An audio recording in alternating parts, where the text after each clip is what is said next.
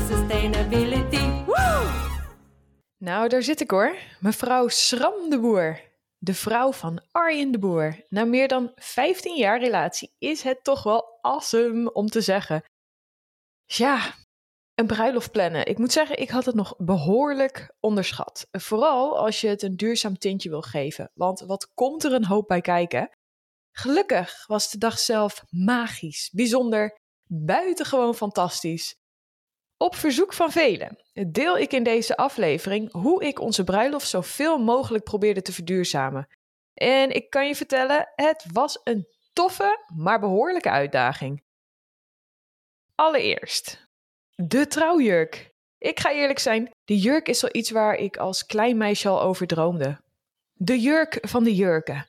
Daarbij spendeerde ik als tiener uren op de bank met Say Yes to the Dress marathons op tv. Oftewel, de lat lag hoog. Mijn beeld was voor deze bruiloft een mooie bohemian trouwjurk die wel een beetje strak zit en mijn onderhand goed getrainde booty goed tot zijn recht zou laten komen.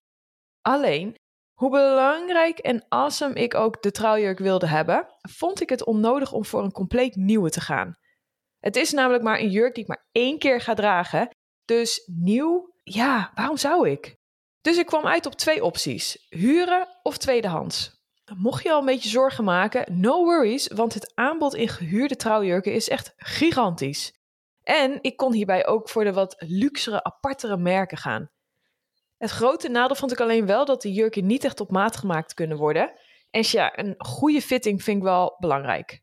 Oftewel, op jacht naar een tweedehands jurk. Mijn zusje, tevens medevanner, mocht ook aan de bak.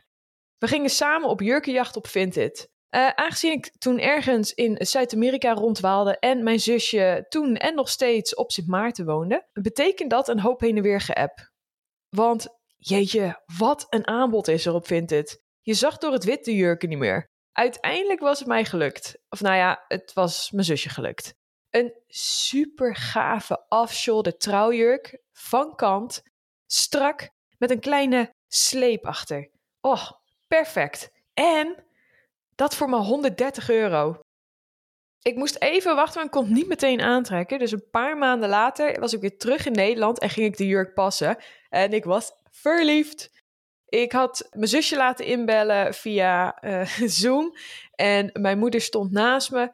Dus ik, ja, dat was een beetje mijn say yes to the dress momentje. Minus de Prosecco. Twee maanden voor de bruiloft ben ik naar het naaiatelier gegaan om de jurk op maat te laten maken die ik vervolgens een week voor de bruiloft weer kan ophalen. Kostte 70 euro. Dus ik had voor totaal 200 euro mijn droomtrouwjurk. En dat tweedehands. In de show notes voeg ik even een link toe naar de foto's, mocht je nieuwsgierig zijn naar de look. Dan hoor ik je denken, wat heeft Manlief gedaan? Arjen ging in plaats van uh, voor tweedehands en uh, gehuurd voor een nieuw driedelig pak. Het was echt super mooi. Saliegroen, volledig linnen, prachtig. En het idee ook hiervan is, is dat hij zowel het jasje of de broek of allebei na de bruiloft weer kan gebruiken voor zijn werk en gewoon tof kan combineren met wat meer casual dingen. Nou, dat vond ik ook een heel mooi alternatief. Vervolgens de versiering. Ik heb op zich de locatie van de bruiloft ook uitgekozen omdat hij al van nature fantastisch is. Het flinke bosje in Hemelen, Friesland. Uiteraard, als uh, recente importvries is Friesland uh, nou wel echt een plekje waar ik moet wezen. En deze locatie was wel ook prachtig. Wij trouwden namelijk in een druivenkast die al vol in bloei stond. Dus het was groen en je zag hier en daar al wat kleine druifjes hangen. En we dineerden in een soort boerderij met uh, hoog plafond en planten overal. Dus het was echt al heel erg mooi op zichzelf. De enige versiering waar ik mij op wilde richten voor het diner, dat was dan de tafel. Ik wilde ook hier zo min mogelijk nieuw kopen. Mijn servies was volledig gehuurd, dus denk aan de borden, het bestek, de wijnglazen, die waren ook zo mooi. Bierglaas, nou, uh, noem maar op, er komt ook daar bizar veel bij kijken. En op de tafel wilde ik allemaal bloemen hebben, maar ik wilde het niet in vaasjes die ik heb gekocht, maar ik ben naar de kringloop gegaan en heb juist super toffe, allemaal verschillende soorten vaasjes bij elkaar gesprokkeld. Voor de bloemen ben ik niet gegaan voor verse bloemen, want die kan je best wel snel na het gebruik van de bruiloft ook alweer wegdoen. in plaats daarvan ben ik gegaan voor fantastisch mooie droogbloemen. En dit waren niet zomaar droogbloemen, maar veldbloemen. Dus bloemen die al in Nederland in de velden uh, te vinden zijn, die zijn gedroogd en nou ja, samengesteld tot dit soort supermooie boeketten. Ik vond ze namelijk zo vet dat ik ook besloot om hier gewoon mijn bruidsboeketje van te maken. En na afloop van de bruiloft gingen deze bloemen weer met me mee. En ik kijk nu voor me en zie ze hier bij mij op tafel staan. En oh, ook meteen die herinnering aan de bruiloft en het feit dat die bloemen zo awesome zijn, maakt dit al een hele toptip. Voor de tafel, ik had wel een bepaald beeld in mijn hoofd om de sfeer te pakken, waardoor ik wel gewoon dezelfde tafellakens wil hebben.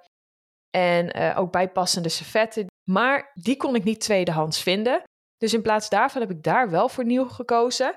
Het zijn uh, bio-linnen servetten en kleden van Dilla en Camille. Ook hiervan dump ik even wat fotolinkjes in de show notes, zodat je met je beeld hebt van hoe ik op deze manier mijn tafelversiering zo duurzaam mogelijk heb proberen aan te vliegen. Dan het eten. Dit was misschien wel een van de minst eco-dingen van de bruiloft, maar fantastisch lekker ook. Arjen en ik genieten namelijk van heel goed eten. Wij vinden ook een barbecue. Arjen is heel goed in barbecuen. En het, het, brengt ook een bepaalde sfeer met zich mee. Toen we ook in Argentinië waren, was dit echt de plek waar wij misschien de meeste kilo's bij zijn aangekomen. Hij met vlees en ik eh, met de vega barbecue. En wij dachten dat is perfect voor onze bruiloft. Dus wij hebben Smoky Goodness ingehuurd. Misschien ken je ze wel van de kookboeken. Die kwamen aan met een 12 meter lange barbecue. En niet alleen was dat super sfeervol, het eten was ook van A tot Z amazing. Het liefst had ik alleen vegetarische opties. Maar goed, hè, het is niet alleen mijn feestje, het is ook Arjen's feestje. En die kan genieten van een mooi stuk vlees.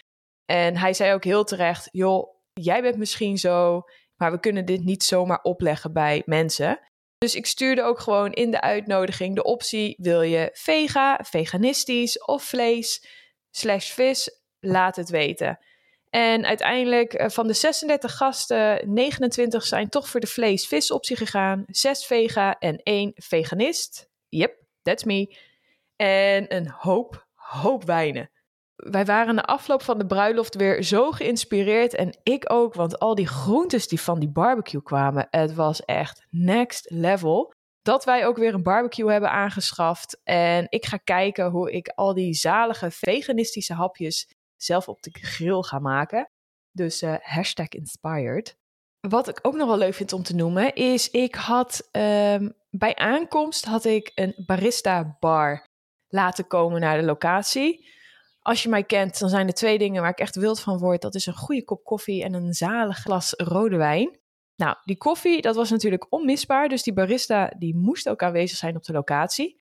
Maar ik had bij het selecteren van de koffiecard uh, bij nou ja, verschillende offertes opgevraagd en gezegd: één, ik wil geen wegwerpbekertjes. Het moet allemaal in uh, ja, glazen, dat het gewassen wordt.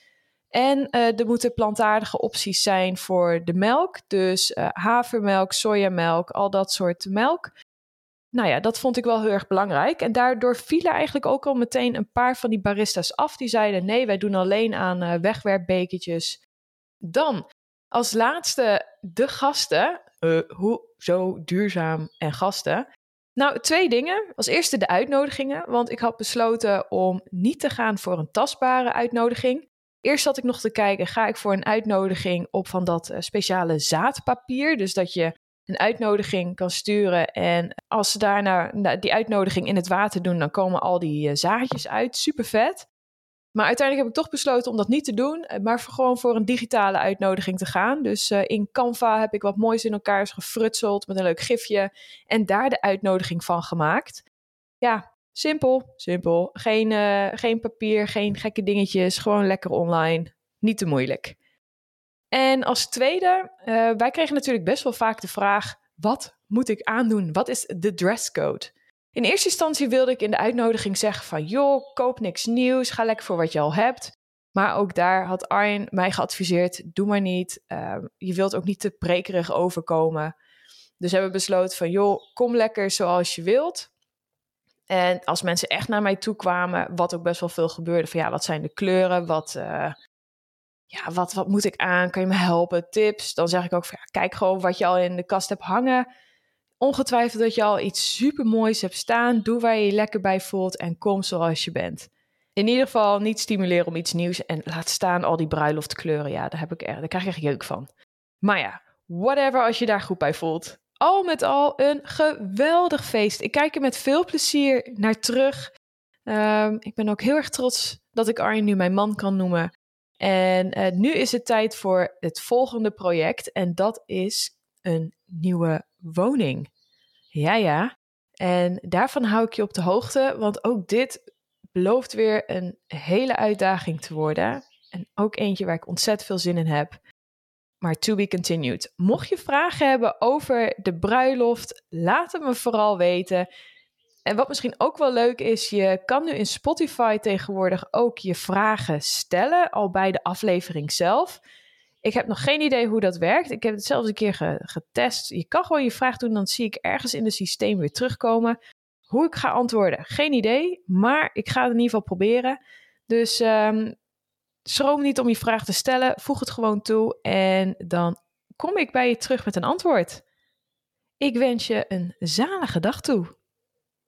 Test, test, sustainability. Woo!